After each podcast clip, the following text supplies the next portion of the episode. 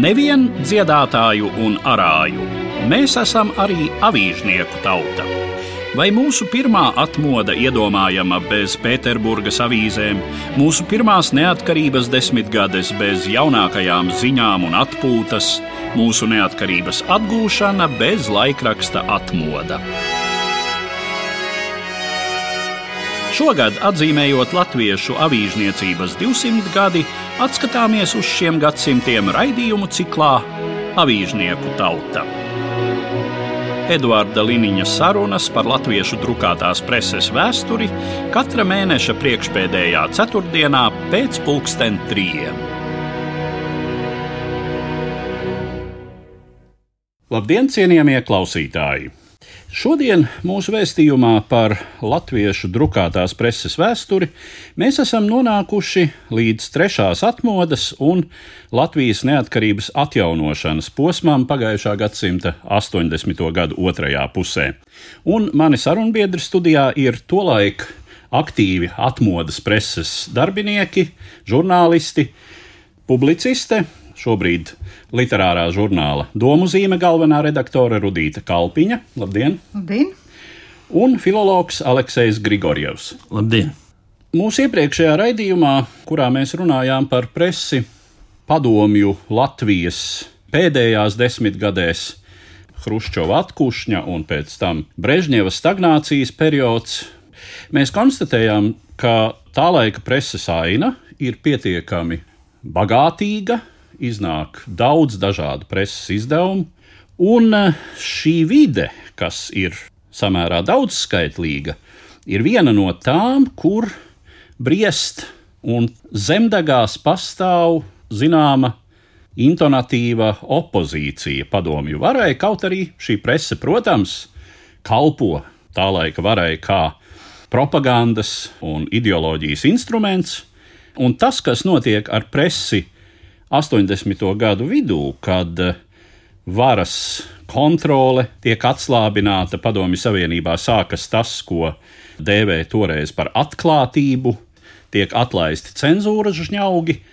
Izrādās, ka tie žurnālisti, kas ir strādājuši padomju Latvijas presē, tā izskaitā tādā, kur izdod partijas centrāla komiteja, komjaunatnes centrāla komiteja, ka viņi daudzi ir visai gatavi ātri pārorientēties pareizā lietu izpratne ir pastāvējusi jau pirms tam, faktiski tajā brīdī, kad šai, teiksim, mēģinē iemet kaut kādus atsevišķus katalizējošus elementus, kas ir piemēram atklātībā nonākuši vēstures fakti.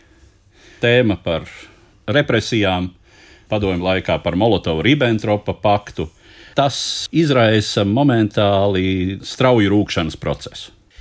Viena no tādām spilgtām pirmajām bezdelīgām ir žurnāls Avots. Literāri kultūrāls žurnāls, kurš parādās 1987. gadā. Es pats atceros labi to momentu. Mans klases biedrs toreiz Jānis Elsbergs, kura vecākais brālis, dzinieks Klaus Elsbergs, piederēja pie avota redakcijas kodola, viens no pamanāmākajiem šai jauno ļaužu grupā, atnesa tādu ziņu, ka būs jauns žurnāls. Šie redakcijas ļaudis ir bijuši komjaunatnes centrāla komitejā, tikušies tā sacīt ar kūrējošajiem ļaudīm, un viņiem ir pateikts, ko viņi drīkst un ko viņi nedrīkst. Es atceros, ka viņiem bija teikts, pagaidām nekādu trimdu, nekādas trimdnieku publikācijas, un neko par Černobiļu. Rudīt, tu arī piederēji tajā laikā pie avota komandas. Es domāju, tu teici par to, ka žurnālisti strādāja padomu Latvijas presē un spēja ātri pārorientēties. Daļa noteikti tiešām pārorientējās, bet daļa nu, beidzot varēja beigt izlikties un teiksim, dzīvot tādu dubultu dzīvi. Apliecinājums tam, ka dažādi šādi procesi bija, To arī apliecina Aivara Kļavi grāmatā Avot laiks rakstītais, ka uzreiz jau nebija tās skaidrības cenzoriem, ko tad jā un ko nē. Es varbūt izmantošu izdevību un pastāstīšu vienu gadījumu, ko es gadiem ritot pat piemirstu, bet tad es lasīju kādu interviju ar nu jau aizsaulē aizgājušo Aigaru Jirgenu. Un, teiksim, tas ir tāds stāsts par to, kas notika uh, Latvijas presē, kad bija tas periods, viens solīts uz priekšu, divi atpakaļ. Un man šķiet, ka ir ļoti žēl, ka tikpat kā nav tādu atmiņu tieši par to laiku. Faktiski būtu ieteikums intervēt vēl dzīvos tā laika procesa dalībniekus, jo cilvēks savā ikdienas darbā bija arī ļoti drosmīgi. Un, piemēram, bija tā, ka 86. gada vasarā Viktors Avotiņš man teica, mēs tik daudz te runājamies, uzraksti. Es to publicēšu. Bet Tur bija izplānots, kurš no literatūras un mākslas galvenajiem redaktoriem būs prom, un tajā laikā Viktors paraksta avīzi, un tad viņš to varētu ielikt un uzņemties atbildību. Tur kaut kas neiznāca. Un tad to tekstu pārtvēra uh, Dzintra Krievāne. Tur tika novaktēts brīdis, kad Monika Zīle, tolaik padomju jaunatnes galvenā redaktore, bija Maskavā. Un mums bija tāds fantastisks vakars un arī jau nakts ar Dzintru Krievāni un Aigaru Jirgenu, kurš tolaik bija padomju jaunatnes atbildīgais sekretārs. Un tur bija arī citi avīzes darbinieki. Tipogrāfijā jau bija salikts šis raksts. Un tad, protams, mēs nezinām, kurš un kā, bet no tipogrāfijas acīm redzot, kāds piezvanīja galvenajai redaktorei. Iespējams, pamodinot viņu naktas vidū viesnīcā Maskavā. Ar vienmēr sakot, raksts netika nodrukāts, un Aigara Jirgena pēc kāda brīdiņa atlaida no darba. Un tad ir kaut kāda trešo pieejama Viktoram Avotiņam vēl pēc laika un daudziem labojumiem izdevās to rakstu nodrukāt. Ar šodienas acīm raugoties, es nelasu šo rakstu, jo tas ir ļoti, ļoti jauna cilvēka raksts un vispār nav saprotams, kāpēc tāda ņemšanās. Par ko bija tas raksts? Par visu ko teiksim, tā, kas jaunam cilvēkam ir uz sirds, kas viņam nepatīk padomju sistēmā, bet, protams, ļoti maigiem un teiksim, tā laika presē visticamāk pieņemamiem formulējumiem, bet nu, tomēr, tomēr. Bet vēl pirms tam, jā, Aivars Kļavis mani uzrunāja, jo tā laika jaunajiem literātiem bija tā laime ne tikai čupoties pašiem ar savu vecumu cilvēkiem, bet eh, viņi uzreiz nonāca tādā vecāku literātu, varētu teikt, gādībā kuri tomēr arī šo to iemācīja. Līdz ar to, tad, kad mēs sākām strādāt, manuprāt, tā sapulce notika Rakstnieku savienībā, bet man jāsaka, ka šīs atmiņas, kas veidojās to laiku, mēs ar Normundu Naumani to tikšanos uzlūkojām nu, kā tādu šovu vai izrādi. Un kaut arī jā, tie kuratori mums kaut ko stāstīja, ko droši vien, piemēram, Klaus un Aivars Kļavis un varbūt vēl kāds ļoti nopietni klausījās. Mums pat prātā nenāca kaut kā īpaši to ņemt par pilnu. Es atceros, ka es noskaitīju kaut kādu dadaistu dzējūli. Normons arī izsprēgāja, mēs ļoti apmierināti gājām prom no šīs sanāksmes. Nu jā, avots bija ļoti pamanāmi citāds nekā visa līdz tam iznākusī Latvijas prese, arī ārējā noformējumā, par kuru bija sašutuši cita starpā arī daudzi vecākās paudzes latvieši. Es atceros vēstules par to, ka līdz šim nu, pārējos žurnālus es varu ielikt sekcijā, lai tie tur skaisti stāv. Kā es varu tādu? Katrā ziņā tas nāca ar kaut ko jaunu to situāciju varbūt pat var salīdzināt ar 50. gadu beigām, kad arī atceros Silvers Butovs stāstīja, parādoties zvaigznei, parādījās arī tiešām jauns grafiskais vizuālais noformējums, parādījās krāsas.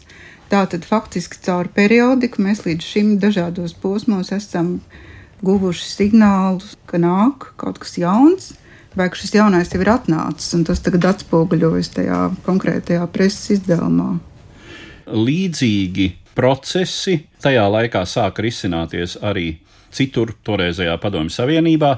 Es atceros, ka ap to pašu laiku, pēc manu vecāku Maskavas draugu ieteikuma, mēs sākām abonēt Maskavā iznākošos žurnālus Novī Mir un uh, Družba Narodov kas arī bija tāda literāra, kultūrāla, bet tur sāka parādīties arī daudz publicistikas. Un laiks 1987.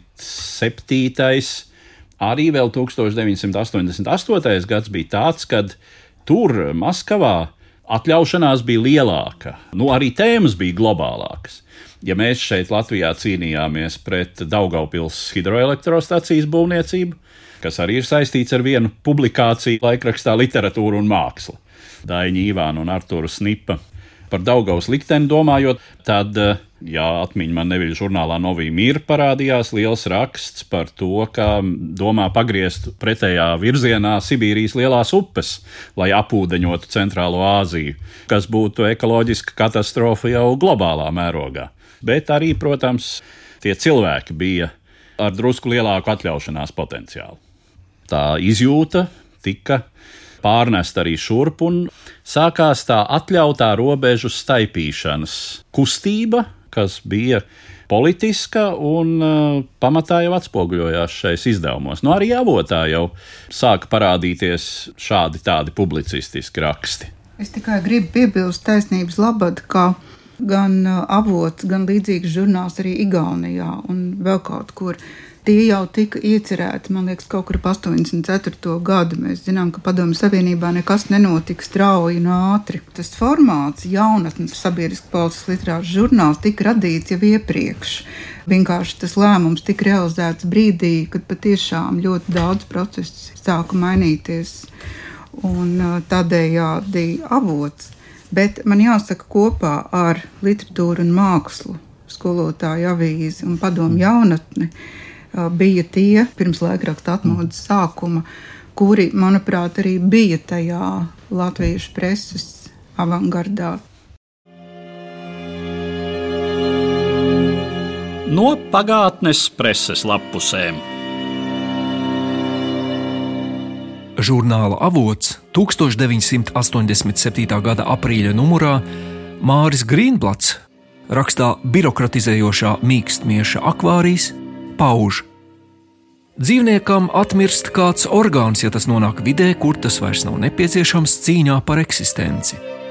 Arī birokratizējošam objektam atmirst prāts, atstājot tīri rudimentālu formu, tā saucamo veselo saprātu, iespēju pareizi orientēties istabas četrās sienās, atrast patīkamu un izvairīties no nepatīkamiem kairinātājiem.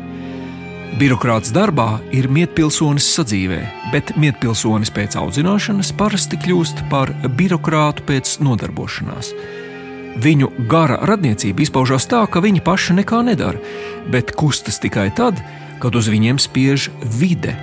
Lietas, kas prasa savu apkalpošanu, rīkojumi, kuri gaida izpildīšanu. Pati vide sākotnēji izpelnās viņu uzmanību tikai tik daudz, cik tā sasaucas ar viņu ķermeņa organiskajām vajadzībām. Izsalkuma, augstuma, neumolības vai seksuālās neapmierinātības, vai varbūt kādu sociālo āderu sajūtas, viņu valodā jūtas, spiež viņus veikt sarežģītas reakcijas. Gluži kā eksperimentu žurkām, kas pozitīvu vai negatīvu stimulu ietekmē pārskrien no viena nodalījuma uz otru. Protams, šajā sociālo reakciju labirintā nonāk daudz kas tāds, kas dzīvniekiem nav pazīstams. Arī valoda un citi garīgās kultūras elementi. Taču šīs lietas nav eksperimenta objekta izgudrotas. Viņš tās tikai izmanto. Gluži kā pērtiķis, lai tiktu pie banāna, var izmantot kasti, bet tikpat labi var pakāpties arī uz grāmatu kaudzītes.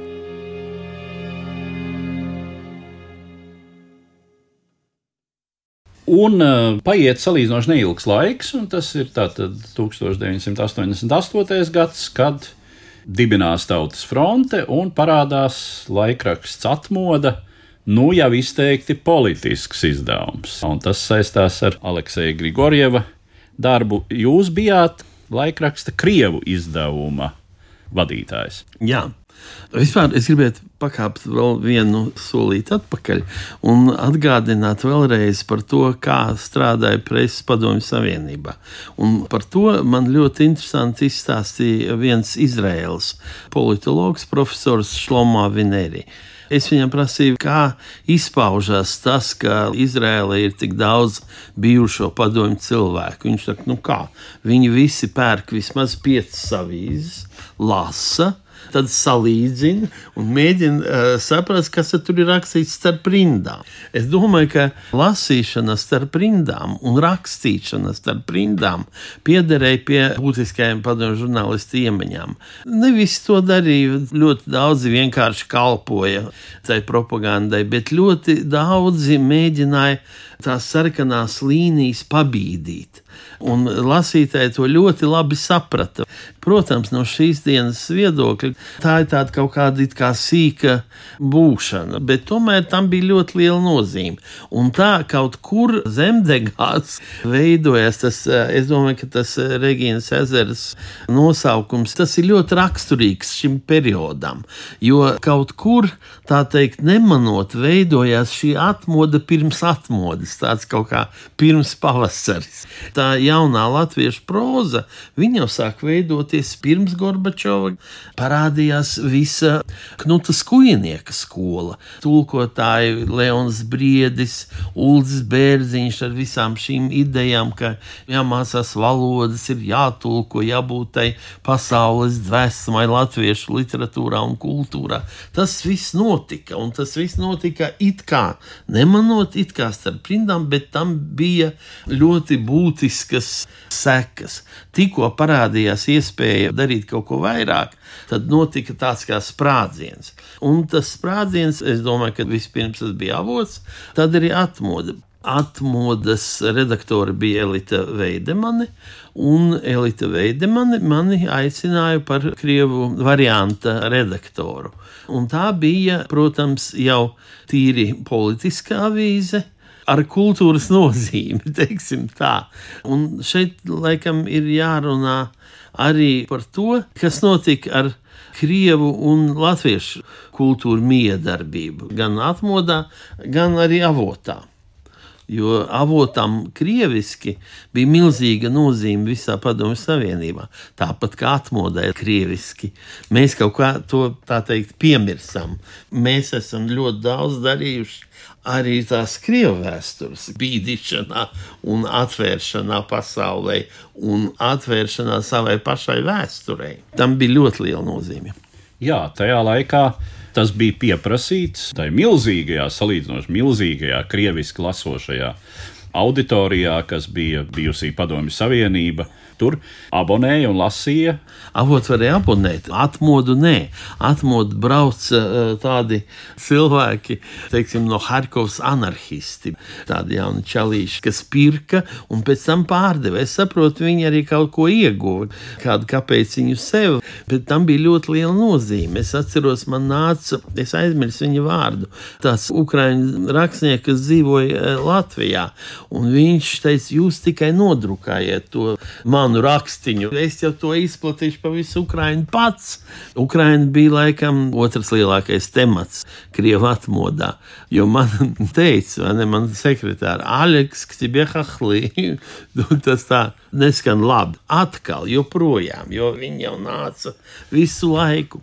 Un tad pirmais rakstīns, te bija tāds, dzīvoja Rīgā, Ukraiņa no Ļuvijas grafiķis, mākslinieks Oles Caruks un rakstīja. Viņš tur īsti nevarēja uzrakstīt, nu, bet mēs viņam tur salikām, sakombinējām, parediģējām, un iznāca tas viņa raksts ar virsrakstu no Ševčenko, Neodinākova mini. Man nav viena alga, man nav vienādi tāds un tāds iznākums.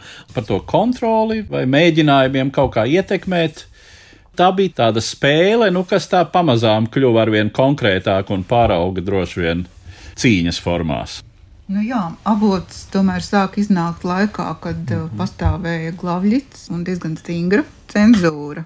Kaut arī jau perestroikas apstākļos, bet uh, izdevums tomēr tika gatavots trīs mēnešus ilgā ciklā. To prasīja gan tā laika tehnoloģijas iespējamās, gan arī droši vien plānošanas darbi preses izdevuma druka, papīrs un tā tālāk, kāds tas pastāvēja visā šajā tiešām lielajā partijai piedarošajā izdevniecībā un tipogrāfijā. Katrā ziņā 87. gadā šī kontrole vēl bija diezgan stingra, ko, protams, šie tolaik progresīvie, ja tā varētu nosaukt, vai drosmīgākie preses izdevumi centās apiet ar dažādiem paņēmieniem. Bet 88. gadā jau tas cenzūras tvēriens tiešām atslāba. Ja, piemēram, 87. gadā pirmajā numurā Ir vēl Sarmīta Cēlētas intervija ar Pēteru Krilovu, kurā bija 90 labojumi. Un, uh, ir arī dažādi gadījumi vēlāk, nemaz nerunājot par uh, žurnālu pirmā numura vāku, kas satrauca ne tikai komunismas centrālo komiteju, bet arī partijas centrālo komiteju. Tad, uh, tas tiešām diezgan strauji mainījās. Protams, ka visgrūtāk bija uh, ne jau mums, kas šos materiālus sagādāja, bet uh, atbildīgam sekretāram, kas tolaik bija Aivars Tarvits, un galvenajam redaktoram, kuram galva mazgāja bieži un tādās iestādēs, uz kurām mēs netikām saukti. Tā kā gods un slava, ka viņi tomēr šādā veidā izdzīvoja tam laikam cauri. Bet ir vēl viena lieta, ko droši vien ir svarīgi pieminēt, un proti, tas preses nams, lai cik absurds nebūtu idejā par to, ka tā ir vieta, kur koncentrējas pilnīgi gandrīz visi nacionāla vai, tiksim, kā tolaik teica, republikas līmeņa izdevumi. Tā tomēr radīja arī ļoti lielu sadraudzību starp uh, redakciju darbiniekiem. Un man šķiet, ka tas ir kaut kas tāds, kas ir diezgan lielā mērā zudis. Nemaz nerunājot par to, ka mēs vispār strādājam attālināti un no mājām un tā tālāk. Bet tieši tā savstarpējā satikšanās gandrīz katru dienu un sarunāšanās. Tik cik man nācās toreiz arī kaut ko nedaudz jau publicējot vidusskolas pēdējās klasēs un tad augstskolas pirmajā, otrajā kursā. Cik man nācās iegriezties preses namā, nu tā bija īpaša atmosfēra. Tieši tā. Tas bija tāds pūznis, zumošs, strops. Jā, un ne jau tikai preses nama kafejnīcā. Bet eh, kas nozīmē arī to, ka cilvēki, man liekas, lielākā mērā nekā tagad iesaistījās un piedalījās arī citu izdevumu dzīvēm. Un, uh, Tas, protams, ir svarīgi tikai man pašai, bet, piemēram, atmodas otrajā numurā ir diezgan garš arvīda Jozaiša raksts, un, manuprāt, Krieva atmodā arī krieviski, un uh, to rakstu tulkoju un iesniedzu Elitai es, bet es mhm. kautrējos rakstīt, ka es esmu šī rakstu tulkotāja un varbūt arī jutos mazliet nedroši, jo jūsu izdevums bija pavisam jauns. un, uh, gan atmoda, gan iepriekš arī literatūra, māksla un skolotāja avīze un padomu jaunatne nebija jau tikai tā, ka katrs piepildīja to savu profilu tik uh, varbūt tādā burtiskā mērā kā mēs varbūt to skatītu tagad. Literatūra un māksla vienmēr centās aptvert visas sabiedrības problēmas un par tām rakstīt, rīkoja apaļos galdus.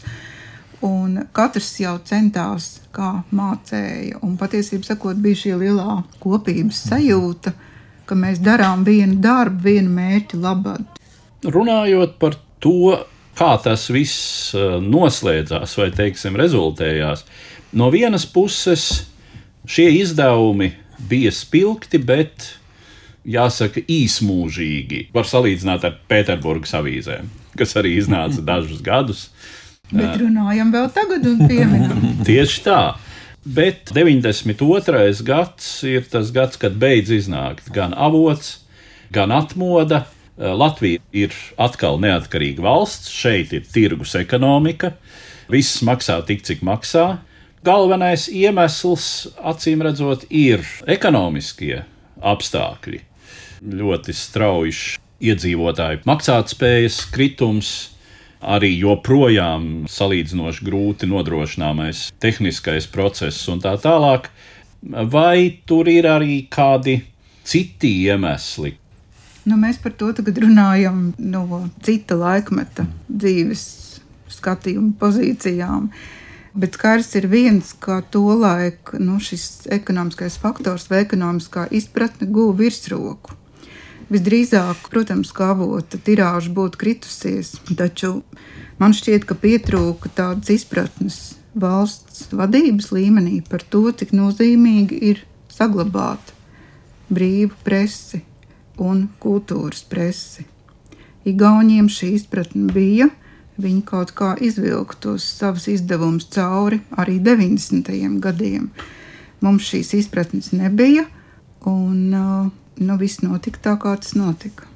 Kas patiešām ir fenomenāls fakts, ka izdevniecība Pētergailis ir izaugusi no Latvijas Tautas frontes, Rīgas centra nodaļas izdevuma Pētergailis. Un ar domu, uz ko Ingūna Cepīta skubināja Imants Ziedonis, nu vēl vienu šo gadu un tā tālāk, ir izaugusi grāmatu izdevniecība, kurai jau tagad ir 30 gadi.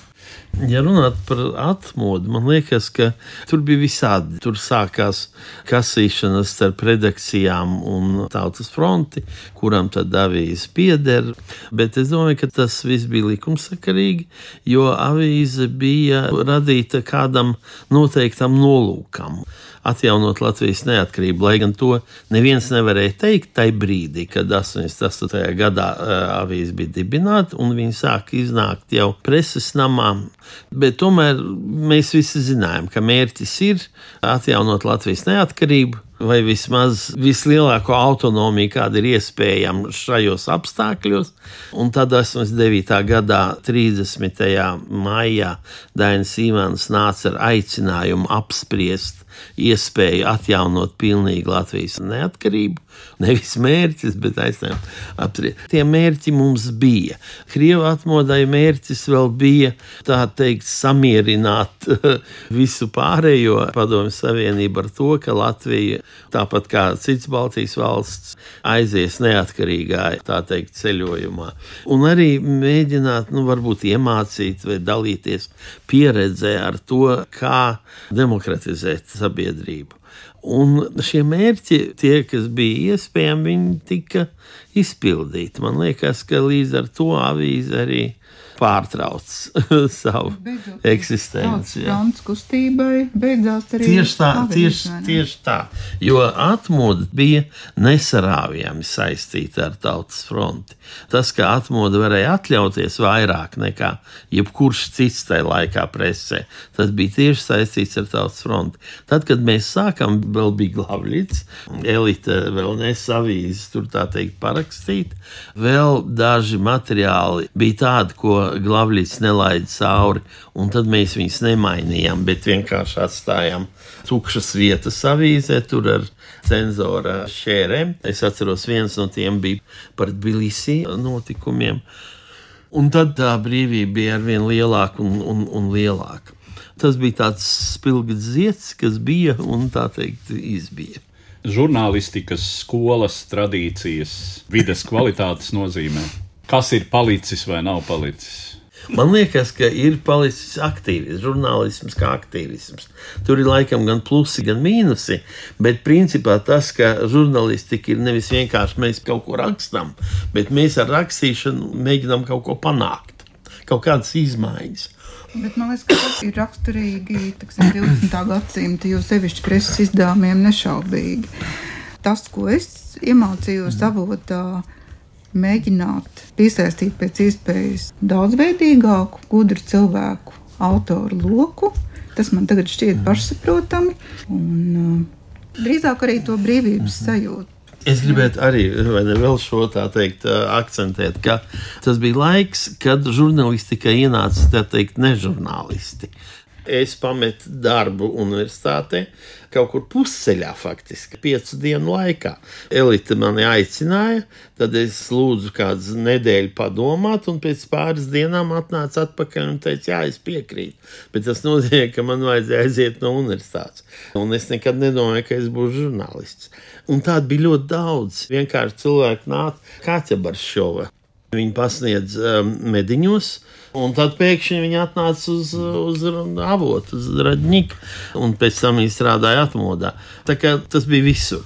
Ar to mēs arī noslēdzam mūsu šodienas sarunu, kas bija veltīta Latvijas drukātajai presei atmodas laikā, un es saku paldies maniem sarunbiedriem, publicistei, žurnāla domu zīme galvenajai redaktorei Rudītei Kalpiņai un filologam Aleksejam Grigorjevam.